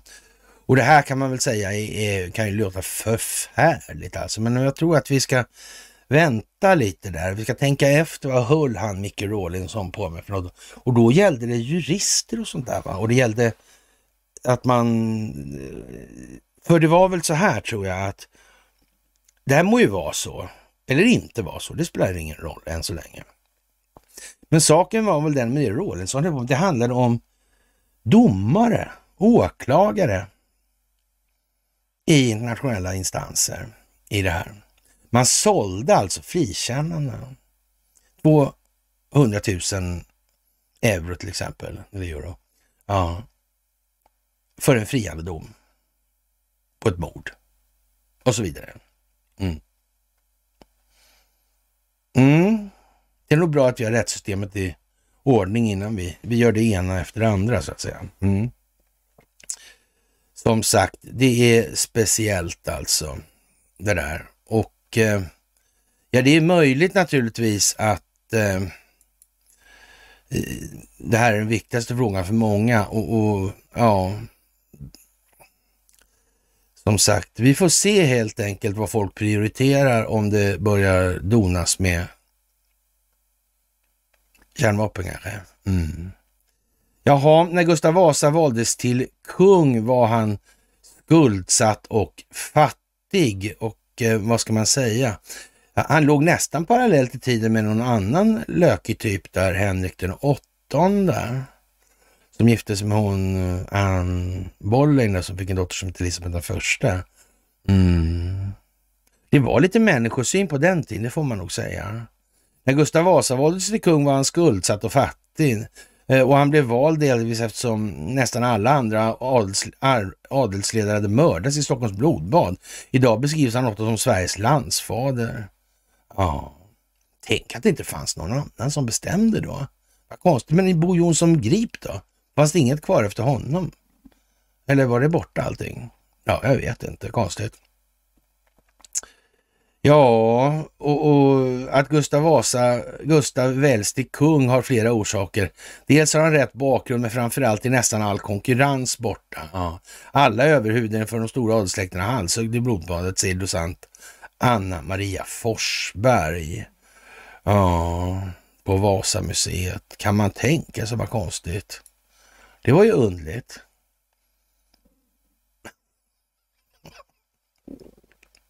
Men han var inte han hade bara tur liksom. Sådär. Någon annan skötte halshuggning och sen hade han tur. man vet ju inte. Det kan ju vara så. Mm, Henrik den åttonde nackar ju två fruar i alla fall. Ja, det gjorde han ju. Hon andra var en av dem. Mm. Just det. ja, ja, ja, ja. Mm. Jaha, eh, rivna kärnvapenavtal och hemliga byggen. Så rustar världen för nytt kallt krig alltså. Och eh, miljardsatsningar på nya kärnvapen, rivna nedrustningsavtal och ökad aktivitet vid testanläggningar. Mycket pekar på att vi inte bara står inför en ny kärnvapenkapprustning utan att vi är mitt upp i den alltså. Ungefär som Donald Trump sa. Ja, det är en enorm förändring som skett under kort tid som är helt unik, säger Erik Melander, professor och föreståndare för Alva Myrdals centrum för folkbildning. Nej, nej, nej, det står för kärnvapenutrustning. Ja. Mm. Eh, det finns bara ett sätt att vinna en kapprustning och inte delta alls. Alltså. Så skrev USAs tidigare försvarsminister William J. Perry i ett kritiskt debattinlägg 2016 efter att det offentliggjorts att USA ska uppgradera sin kärnvapennational de kommande 30 åren. Kostnaden är 1,5 biljoner dollar alltså. Ja, nu gäller det att minnas vad folk har sagt här och vad som möjligen kan vara anledningen till de har sagt till att de har sagt de här sakerna. Mm. Det kan man ju säga är, är, rätt så viktigt nu i det här läget. Ja, och eh, ja, Traces of History and Archaeology and Art och 84 000 hemliga böcker har återupptäckts i, en, i ett förseglat bibliotek från 1000-talet ja, i Tibet. Känner vi någon svensk som åkte i, i Tibet och letade efter gamla böcker? Missade de där böckerna eller var det skickligt maskerat? Mm, det är frågan, det är frågan, det är frågan. Mm. Men de hittar nog lite böcker, det kan man nog säga. Man kan nog säga att de har haft ett ganska starkt försteg, eller stort försteg kanske. Utdraget försteg kanske. Mm. Teknologiskt sett. Mm. Och sen så tänker vi för tänker vi Sven Hedin så tänker vi ta med fan Heinrich Himmler. Det är svårt annars. Ja. Vi tänker Anna Närbe. Det gör vi. Vi tänker Norges annektering av dronning Maudsland. Ja. Vi tänker den tyska invasionen av Norge. Mm. Det gör vi. Mm. Vi tänker Schwabenland. Låter som hans Schwab liksom. Han var ju inblandad i den här svängen, hans släkt. Va? Fast han, ja, han kanske också, pappan där, han kanske också hade rymddräkt. Det vet vi inte. Nej. Och pratade, ja. ja men han, så, han ser ut som en nazistisk filmskurk liksom. Ja, vi vet ju inte det alltså, men, men det är lite udda är det nog i alla fall. Mm. Det, det, tycker jag är lite sådär uh, gulligt att det här kommer liksom. Mm. Jag undrar vad det där är för något. Ja. Man vet ju inte. Mm. Ja. Och som sagt. Uh... mm. Vad det där är för någonting, det är naturligtvis... En del har ju lust att uttrycka som det på en gång. Varför skulle man dölja det där då? För det var ju därför man byggde det indolt antar jag, för att dölja det. och att det samtidigt skulle finnas kvar. Det var väl därför man gjorde det. För det var väl ändå utgjort själva anledningen till att man gjorde eller gen, gjorde det förfarande man gjorde alltså. Jag tror faktiskt det. Men det kan ju vara fel pass. Alltså. Så var det absolut. Oj, oj, oj, oj, oj. Ja. Mm. Ja. Som sagt, Sven Hedin var det. Ja. Någon tänkte på Karl Hedin, ja. Ja. Ja. Mm. Som sagt. Eller en svensk kanske som åkte ut i världen och förstörde bevis för en annan världsordning som rådde före vår tid då. Mm. Eller kanske tog med sig bevisen då i den mån det var någonting. Mm. Ja, som sagt. Det där är ju lite speciellt och, och mm, man får nog tänka till lite i det där faktiskt. Men jag, eh, ja, faktiskt. Jag vet inte. Några kanske har känt till det där länge och låter det vara förseglat. Mm. Man vet ju inte. Sven Hedin, hade han någonting med politiken att göra i övrigt? Inte bara tysk politik då? Han skrev det här borggårdstalet tror jag, 17. Ja. Han gjorde det va? Gustav V sådär. Ja. Alltså då får man nog säga att han var lite politiskt inblandad ändå tror jag. Han var väl nästan med i det där Fyras gäng också va? Mm. Lindman och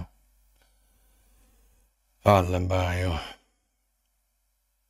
Varvor var det visst man också. Mm. Och det där var väl konstigt alltså. Hans staff kanske. Vem var den fjärde personen? Mm. Ja, det där är eh, mycket och det är svenskt alltså. Och vi kan inte begära att eh, resten av världen har liksom koll på det här alltså, utan det blir vår sak att dra det här. Och eh, Vladimir Putin hävdar nu att eh, ja, han hävdade den 28 november i alla fall att kampen man bedriver nu är karaktäristisk för perioden 1612, alltså under de här åren förenade ryska folk som deltog i befrielsekampen och fördrev ockupanten som bosatte sig i Moskva genom bedrägeri. Vi har fan inte en aning om vilka det där kan handla om alltså. Nej, inte en susning alltså.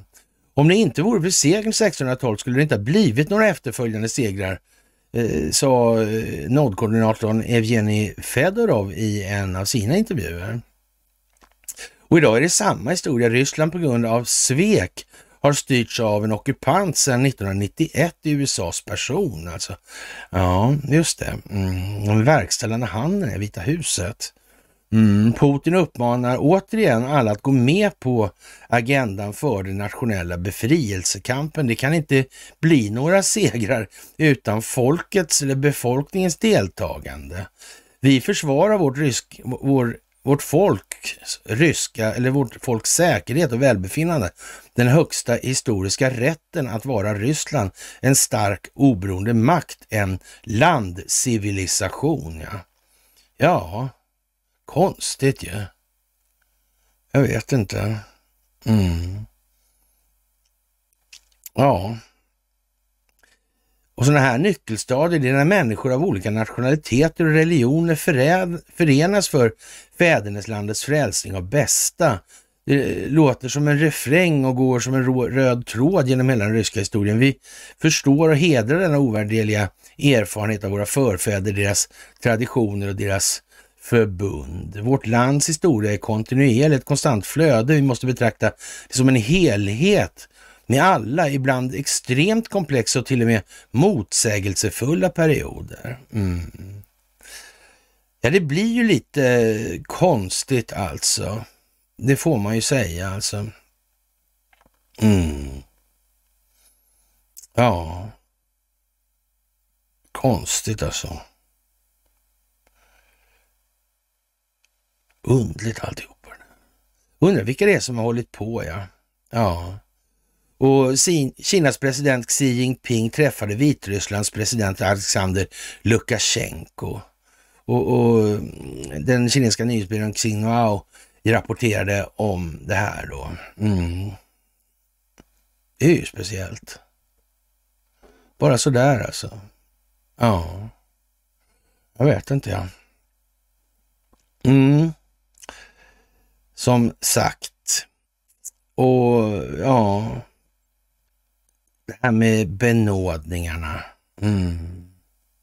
Det verkar som att man i tidningarna är liksom mer eller mindre inställda att Donald Trump ska bli president. Man verkar eh, lite grann, alltså det är inte, inte knappt subtilt alltså. Man är helt inställda på det på något vis. Och, och den signalen låter man alltså nu ändå passera genom filtret här. Det verkar lite. Och det i sin tur talar väl lite grann för att han ska bli sannspådd då, Donald Trump. I sitt löfte då att införa överraskningsmomentet i militära doktriner. Överraskningsmomentet behöver ju inte nödvändigtvis innebära våld i så måtto. Nej, utan kanske snarare tvärtom. Jag tror att det är liksom mer strategiskt lämpligt att göra saker så att man inte behöver bruka våld. Jag tror man vinner mer på det faktiskt på lång sikt. Ja, och då är det inte det som är det primära, utan det är målet som är det primära. Det man vill uppnå. Ja, tänk om militären kommer in tidigare. Jag vet inte, det kan ju bli en jul utan dess like. Vi får väl se helt enkelt. Sverige och historien om Sverige. Hur ser den egentligen ut? Ja, varför är den så tillrättalagd? Vad är det som ska döljas? Vad kan det vara tro? Jag har faktiskt ingen aning. Nej, det är ju märkligt alltså. Mycket, mycket märkligt. Och amerikanskt eh, stridsfartyg alltså. Örlogsfartyg heter det väl här på svenska då alltså. Örlog är alltså sjöstrid kan man säga. Mm. Och ja... Äh, mm. Eh, USS Carney. Ja, det är ju sån där ganska känt en, en ganska känd klass, klass alltså. Mm. Inte världens mest telekrigföringsstarka enhet om vi säger som så. Borde kanske vara, men inte det. Mm. Det där är speciellt alltså. Det får man nog säga. Jag vet inte om, om det här eh, Ja, någon måste ju kliva fram. Kan det vara Kim Jong-Un kanske? Mm. Det verkar vara lite anslag åt Nordkorea-hållet. Va? Ja. Kort sagt verkar inte de här fejkbilderna från Mellanöstern eller Joakim Paasikivi får folk att höja på ögonbrynen särskilt mycket längre. Nej, det är nog ingen som bryr sig. Dessutom alla skickar i sina materiel till Ukraina, så det finns ingen kvar helt enkelt. Ja, det finns ju lite i USA, så Israel får inget. Mm, annat än eh, orden får de kanske möjligen. Ja. ja jag vet inte. USS Liberty, ja. Mm. Och Madame Terror. Ja, man vet ju inte riktigt det här. Som sagt, udda, udda, udda. Den amerikanska kärran, alltså, eller båten USS Carney och flera kommersiella fartyg attackeras i Röda havet i Pentagon. Då. Och vem som ligger bakom attacken om några betydande skador är orsakat, det vet man inte riktigt här. Det man vet ju ganska så säkert i alla fall, det är att det finns lite global eye i de här sammanhangen då i Jemenkriget då, eller då några av arabstaterna har köpt den, men de är ju emot Israel. Där blir inte det liksom konfliktmässigt om Israel köper sin kärnteknologi i telekomsammanhang av Ericsson, inklusive då naturligtvis för att det ska vara kompatibelt med NATO, även inom försvarsmaterielsidan. Ja, är det inte ett problem då att Global Eye seglar runt där uppe under... Ja. Så är det väl då Qatar eller Förenade Arabemiraten eller någon sån där konstig struktur som har. Mm. Men blir inte det här väldigt tokigt? Det blir inte det motsägelsefullt? Jo, jag tror det. Igen alltså. Återigen, de här motsägelsefullheterna. De är jättekonstiga. Och, de är så få också. Eller hur? Mm. Alltså det, det, är ju slumpen då eftersom det bara är sådana hela tiden. Mm. Det är inte frågan om att exponera det här. Och eh, förra veckan gratulerar vi då ja, eh, yngste sonen Karl Alexander Norberg då för eh, sin seger i ah, eh, riksmästerskapen i judo.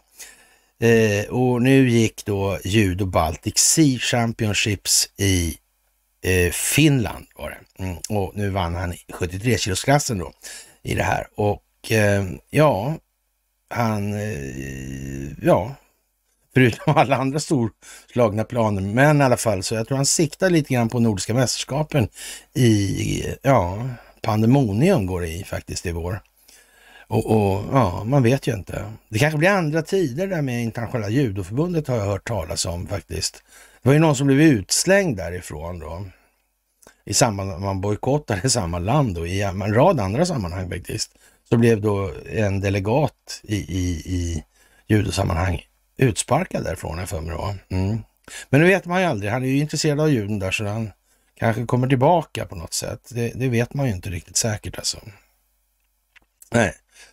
Och eh, ja, den här eh, frånvaron av kungaskandalen i TV4s tronen känns isande obehaglig, eller är isande obehaglig. Jag vet inte, den här med kungadömet ja. Mm. Det, det, får man nog säga är märkligt i tiden, inte för Sverige i tiden, utan märkligt i tiden numera. Mm. Och, och, när majestätet skulle fira ett halvt sekel på tronen hyllades och fjäskades som aldrig förr. Den gamla skandalen talades det tyst om TV4s jubileumsserie Tronen. Gör inte mycket för att ändra på den saken alltså. Och, och så kommer en saga om det var en gång drottning och så vidare. Mm. Och hur kunde det bli så här alltså? Egentligen. Varför håller man fast vid det där för? Kan det vara så att det här i lagstiftningshänseende då för med sig en massa saker att avskaffa monarkin som man inte vill skylta med. Det måste ju finnas en anledning menar jag till att man från socialdemokratiskt håll då har utlovat att vi ska verka för en republik då. Och sen ungefär då 1932-33 när det där partiprogrammet skrevs. Alltså. då skulle man göra sig av med monarkin. Men det har inte riktigt blivit så. Va? Nej, blitt blivit. Mm. Av någon jävla anledning. Jag vet inte, vad kan det vara? Nästan omöjligt att säga alltså. Och, och ja, det, det, ja, det var en gång en drottning och hennes gemål. De bodde i ett slott i ett land som ofta var kallt och låg under ett täcke av frost. I det här landet var det drottningen som regerade, men det bidrog inte direkt till att höja hennes humör. Hon verkar missnöjd med sitt uppdrag. Glädjelöst klippte hon band, räknade på sitt apanage, läxade upp en och annan reporter. Det viskades om att drottningen kunde förvandla folk till is. Många journalister aktade sig därför att uppröra majestätet. Men det gick också historier om hur drottningen ibland slog sig fri tillsammans med sin gamla tjejgäng gick hon på skumma krogar med skörlevnad som specialinriktning. De fina fruarna i gänget tillhörde tvivelsutan samhällets toppskikt, men det hindrade dem inte från att då och då lämna sina makar hemma och roa sig med unga män av folket, så kallade kaffepojkar. Drottningens favorit, en underskön yngling, brukade smuggla in, smugglas in med hjälp av livvakter. Men så en dag bestämde sig tre journalister att skriva en bok om drottningen och de lyckades få hennes eh, riskabla fritidsintressen bekräftade och publicerade uppgifterna i det, i det frostiga landet plötsligt börjar nu talas om en skandal. Men eh, en vacker dag när drottningen inför en samlad presskår deklarerade att det var dags att vända blad var det mirakulöst nog precis det som hände. Kritiken tystnade och drottningen kunde fortsätta klippa band som om ingenting hade hänt. Författarna till boken blev svartlistade, drottningens favorit hamnade på gatan. Ja, när Ers Majestät skulle fira ett halvt sekel på tronen hyllades och fjäskades det som aldrig förr. Den gamla skandalen talade sig tyst om när drottningens liv skulle sammanfattas i medierna. I en större tv-kanal hade den plötsligt utplånats helt från historien. Drottningen kunde höja sitt apanage och fortsätta leva missnöjd och upphöjd i alla sina dagar. Ja, ni hör ju hur det låter. En drottning som beter sig som eh, i den här skrönan existerar ju bara i sagans värld. En kung däremot verkar vara en annan sak.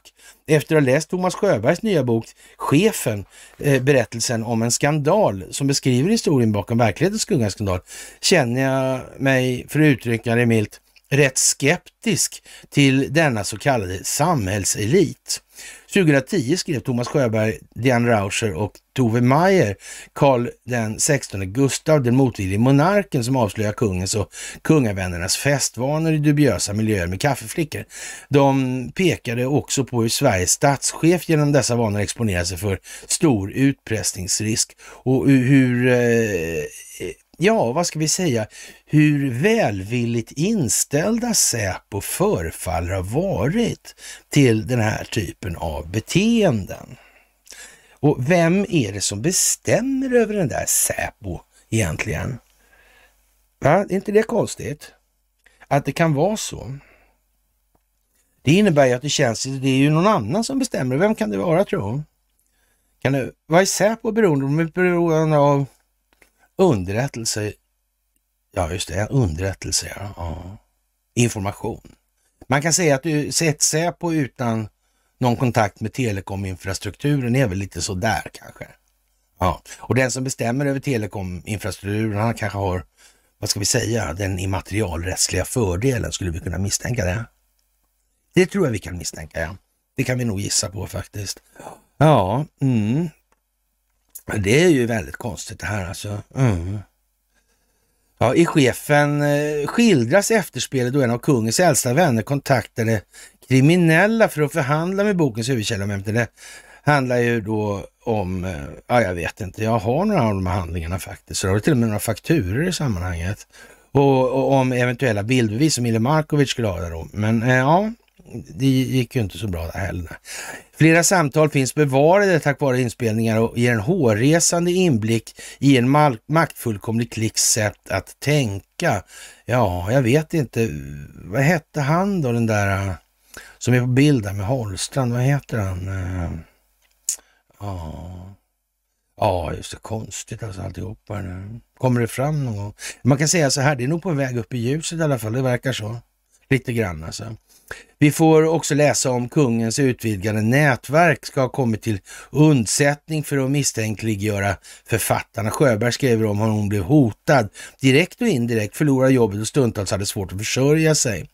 Eh, och sedan den märkliga historien om journalisten Norikinos tv-projekt om kungavännernas kontakter med kriminella. Det som skulle ha blivit en eh, TV, SVT-dokumentär men som plötsligt avbröts när Kino mottagit ett hot efter ett påstått dataintrång. Varför serien aldrig gjordes klar och sändes är idag än ett mysterium. Alltså, som... Mm, ja, eh, det är som en Kafka-lik studie i maktens byggande av en tystnadskultur. Vad beror det här på tror Det är i skuggan av det här som frågor kring turerna kring kungasläktingen som hölls undan delgivna sexköpsbrott faktiskt känns som ett friskhetstecken. Och just därför som frånvaron av kungaskandalen i exempelvis TV4s jubileumsserie Tronen är isande obehaglig. I Dagens Nyheter alltså. Mm. Mm, det är väl en Bonnier-publikation det antar jag? Eller? Ja. Och det här, skulle de, ha, skulle de ha gjort så här för tio år sedan? Jag är inte fullständigt övertygad, men jag, jag, jag kan ju ha fel alltså. Det, det, kan mycket väl vara så. Det kan det vara. Det säger jag ingenting om. Det, det, jag stänger inte den dörren helt alltså ännu. Kanske. Ove Norberg välfunnet en svanesång. Ja, det kan man ju faktiskt säga om man förmår läsa ut det lite. Och ja, Svenska Dagbladet, en ny avgrund mellan USA och Turkiet. Ja, vad ska man säga? I NATO? Nato? Ja, det börjar se lite sådär ut för NATO. Mm. Den här övergripande historien alltså som det militärindustriella komplexet har försörjt sig på i en halv evighet. En uppgörelse mellan USA och Turkiet skulle kunna släppa in Sverige i NATO, men relationerna mellan de båda länderna har försämrats kraftigt under hösten. De två allierade beskriver nu varandra som extraordinära säkerhetshot. Det är ju ingen, så att säga, tillit i det alltså. Kan man, eller kan man säga att det är? Ja, det är ingen alls. Mm. Och ja, inför hösten var utrikesminister Tobias Billström förväntansfull igen. I oktober var det dags. Eh, Turkiets parlament skulle godkänna den svenska NATO-ansökan och som tack skulle Turkiet kanske få ett löfte från USA om att få köpa stridsflygplanet F16 men eh, det här händer mellan USA och Turkiet i oktober. Söndagen den 1 oktober exploderar en bomb utanför inrikesministeriet i Ankara i en självmordsattack utförd av PKK. Eh, som svar trappar Turkiet upp attackerna mot Irak och nordöstra Syrien. Utrikesminister Hakan Fiden eh, rekommenderar tredje part att hålla distans till det Turkiet betraktar som turkiska terrorister. Eh, tredje part syftar på, säkert på USA som har trupper trupper i eh, nordöstra eh, Syrien som var har trupper, det är knappast reguljära enheter i någon större utsträckning i alla fall, men en och annan instruktör för några andra kanske. Ja. ja. Syrien för att bekämpa den islamiska staten, IS. Amerikanerna eh, samarbetar där med Syriens demokratiska styrkor, SDF, milisen alltså. Ja, men ja, Bashar al-Assads reguljära förband får inte vara med här helt enkelt. Ja. Och i den ingår kurdiska YPG som Turkiet ser som en förlängning av PKK och klassar som terrorister. Det är samma YPG som Sverige och Finland fick lova Turkiet att inte stödja i uppgörelsen i Madrid förra sommaren.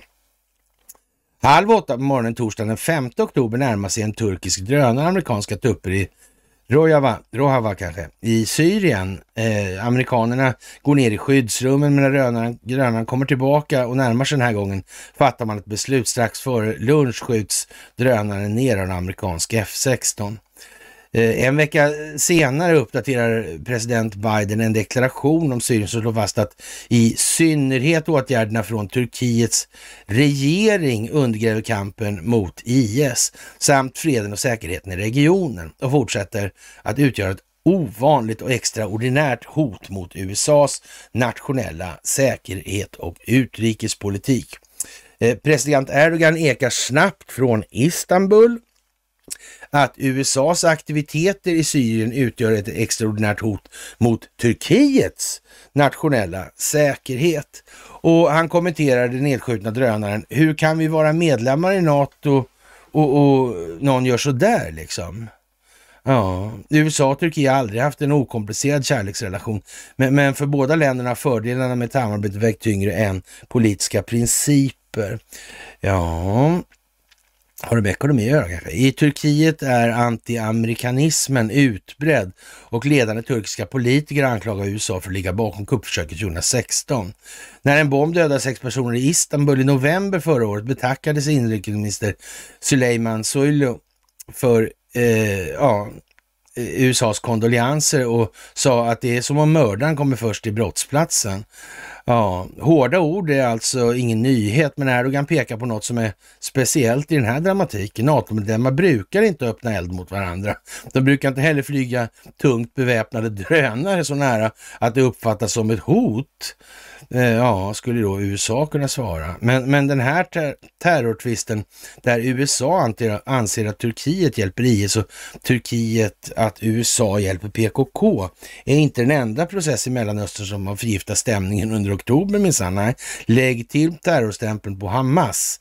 Den 7 oktober tar sig Hamas in, tar sig Hamas in i Israel och genomför sin bloddrypande terrorattack på, mot civila israeler, en händelse som har beskrivits som den värsta angreppet som riktas mot judarna sen förintelsen alltså. Och, och då hör till saken att det här har då alltså eh, Amerik eller eh, ja, Mossad eller israeliska underrättelsen känt till i över ett år alltså ska äga rum. Så det är inte riggat alls alltså. I USA uttrycker president Biden omedelbart ett oreserverat stöd för Israel och när han besöker Israel den 17 oktober liknar han Hamas ju med just IS. Hamas begick grymheter som påminner om IS värsta härjningar och släppte lös ren oförfalskad ondska över världen. Jaha, det är en avgrund till Turkiet där president Erdogan har formulerat sin position så här.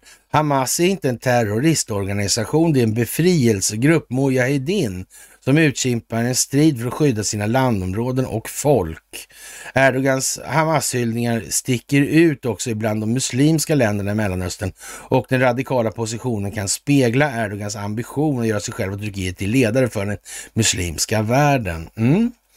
Eh, vid NATO-mötet i Bryssel i veckan fick eh, generalsekreteraren Jens Stoltenberg frågan om kriget i Mellanöstern påverkar NATO även om det utspelar sig utanför alliansens territorium. Vissa allierade är aktiva på olika sätt, svarar Jens. Och, och, då överdrev han i alla fall ju inte. Nej, det gjorde han ju inte. Och, och jag vet inte faktiskt vad man ska säga i den meningen längre. Det håller ju på så här alltså. Ja. Eh, ja, vid NATO-mötet i Bryssel fick Tobias Billström i alla fall höra att Hakan Fidan hoppas att Sverige ska kunna bli medlem inom ett par veckor. Och vem vet, det börjar närma sig jul. Och, fast inte i Turkiet då, nej. De firar inte jul, nej. Ja. Mm, man vet ju inte. Faktiskt. Det är lite udda. Ja. Och sen är det en lång artikel, helt obegripligt kan en delfin drunkna. Det här är liksom en exposé över tillståndet i Sverige, djurhållning, hur Sverige håller sig med vi är världens miljö, mest miljömedvetna, men resten av världen har förbjudit att hålla sådana här djur i fångenskap och ja, genforskning. Ja. Elektroder i hjärnan och så vidare. De här grejerna som Sverige håller på med ändå, som finns dokumenterade. Är inte det konstigt verkligen? Är det inte det? Jag kan tycka att det är lite dumt att, att eh, det har fått fortgå helt enkelt. Ja. Och all skit som har kommit av det där. Mm. Ja, jag vet inte. Faktiskt. Det är mycket deprimerande. Och hur blir det här egentligen? Det har ju snackats om att det finns eh, militär, reguljär militär verksamhet i Ukraina som kanske inte är anspråktagen så över hövan stor omfattning i de här sammanhangen. Uh, nu är det ju folk som tror på de där uppgifterna i media hela tiden alltså. De ljuger förvisso om det mesta annat, men nej, okej. Okay. Uh. Men den ryska militären skulle väl inte säga nej till att den ukrainska militären gjorde som militär ska göra i det här. Mm. Och då menar jag inte att de ska bara ställa upp sig själva för att bli avrättade. Det har inte alls varit frågan om. Nej. Ja. Det, ja, vad ska man säga? Mm. De kan ju till och med få anställning om det är någon som vill vara militär. vet man inte kanske kan behövas lite där, för det finns en liten röra att stå i. Och de andra får väl amnesti och blir veteranklassade då. Ja. Som sagt, och en Salusni där alltså. Han kan göra en förtjänstfull insats ser det ut som alltså. Och, och Kadyrov där. Ja, Erdogan kanske inte ska bli någon religiös ledare. Mm. Men, men å andra sidan kan man säga så här, de här som vill ha sån här strikt islamisk, ja, närmast extremism alltså. De behöver ju en handfast ledare. Mm. Så kan det ju vara. Mm. Och då kan ju en sån som Ramzan Kadyrov komma till pass, vilket vi anförde då för tio år sedan eller sådär. Mm. Typ ett decennium är det nu. Ja. Och det här med, eh, tv-sändningarna, konstigt alltså. Via Play-kollapsen borde skrämma skit ur de styrande svensk fotboll. Tänk, jag tror arenasport överhuvudtaget kommer vara något helt annat. Går det inte att betta på det där så blir det nog tjurigt som fan vad det lider. Det är jag nästan säker på faktiskt. Ja. Och, och ja, klimatmötet där, COP28. Mm. Konstigt alltså. Ja, det blev inget bra alltså. Nej. Det där är närmast ett bedrägeri, alltså det som har varit. Sådär. Mm. Ja, och det här med läkarna alltså. En sak är i alla fall säker, väderfighten vinner röst blir det sibirisk kyla i Sverige. Ungefär som Alex Schulman säger. Det kanske har varit manipulerat under lång tid, kan det vara det? Ja. Går det att betta på det där? Mm. Churchill. Ja. Konstigt. Mycket konstigt alltså. Jaha. Och mm, sjukan ingen kan fly från avunden. Ryska soldater vid fronten dödade av WhatsApp. Mm. Ja, som sagt. Och British Royal Society där. Ja, trist historia får man nog fan påstå. Och nytt avtal då kommer här i veckan då. Mm, I den här veckan ska skrivas på. Och innebär att USA får rätt att förvara vapen och utrustning på svenska militärbaser, skriver TT. Ja, och vi säger proposition 74. Ja. Ja, man vet ju inte. Faktiskt. Och ja, NATOs generalsekreterare Stoltenberg uppmanar att förbereda sig för dåliga nyheter från Ukraina. Mm. Ja, vi såg det nästan ligga i korten va. Så där måste man ju säga. Faktiskt. Ja. Ja, det är speciella tider, det måste man verkligen säga. Det är det. Och eh, ja, jag vet inte vad, vad man, eh, ska man ta upp det här med Titanic, det lär ju komma fram bara alltså. Det, det är ju liksom så. Och, och Orban och, och Erdogan gör ju vad de ska alltså. Och öka statens inflytande över Saab tycker Hultqvist alltså. Och, och ja, vet han något hur det här med djupa staten ska fungera numera? Eller? Är det något på gång? Eller vad, vad, mycket märkligt alltså. Ja. Eh, ja, man skulle kunna ge, eh, hitta avtalskonstruktioner som ger staten ett inflytande i den händelse att man förändrar ägarbilden eller inriktningen på Saab, säger Hultqvist i SVT. Mm, kommunistiskt alltså. Mm. Ja. Och, och Nordkorea börjar hota med att förstöra USAs spionsatelliter. Det är fortfarande väldigt, väldigt otydligt var det här ska någonstans. Ja, faktiskt alltså. Mm. Och, och oöverträffad kris i Marocko. Myndigheter står inför massdesertering. Militär personal lämnar kungliga försvarsmakten i massor. Förra veckan lämnade 138 militärer sina tjänster. Och, och det blir inte så bra för Främlingslegionen det här alltså.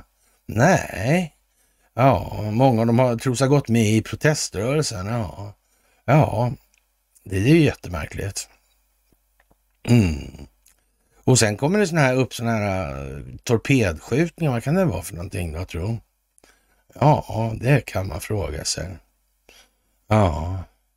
Och, och, hur var det med eh, ja, Winston Churchill där alltså?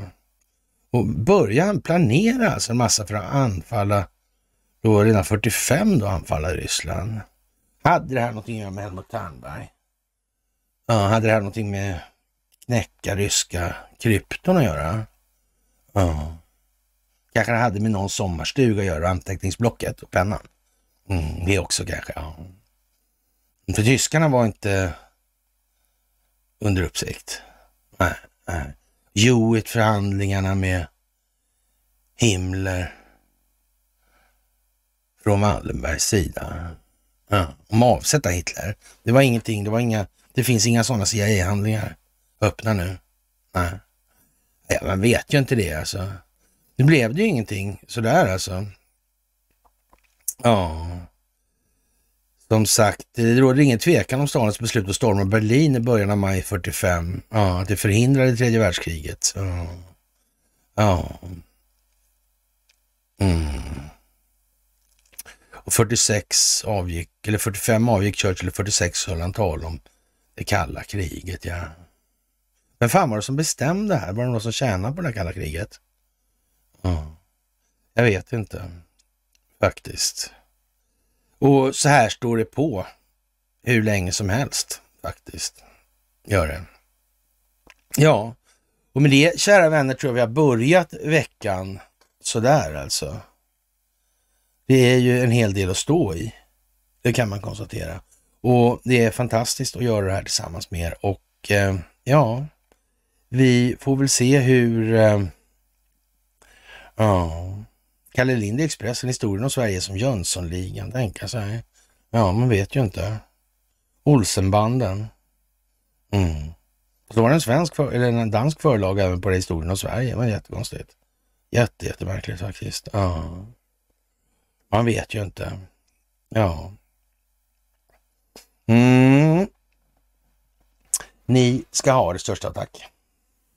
Absolut. Ni är bäst på jorden. Och tyvärr så blir det monetärmekanik som jag absolut inte hade lust med. Mm. Det blir vår lott helt enkelt. Och eh, med det, kära vänner, så får, vi, får jag tacka för intresset den här måndagen. Och jag är åter på senast onsdag. Och den här veckan ska vi få till stånd ett hälsomys och prata lite träning och såna här grejer. Eh, det behövs också nu alltså. Så. Mm. Kära ni, en trevlig måndagkväll på er så hörs vi senast på onsdag.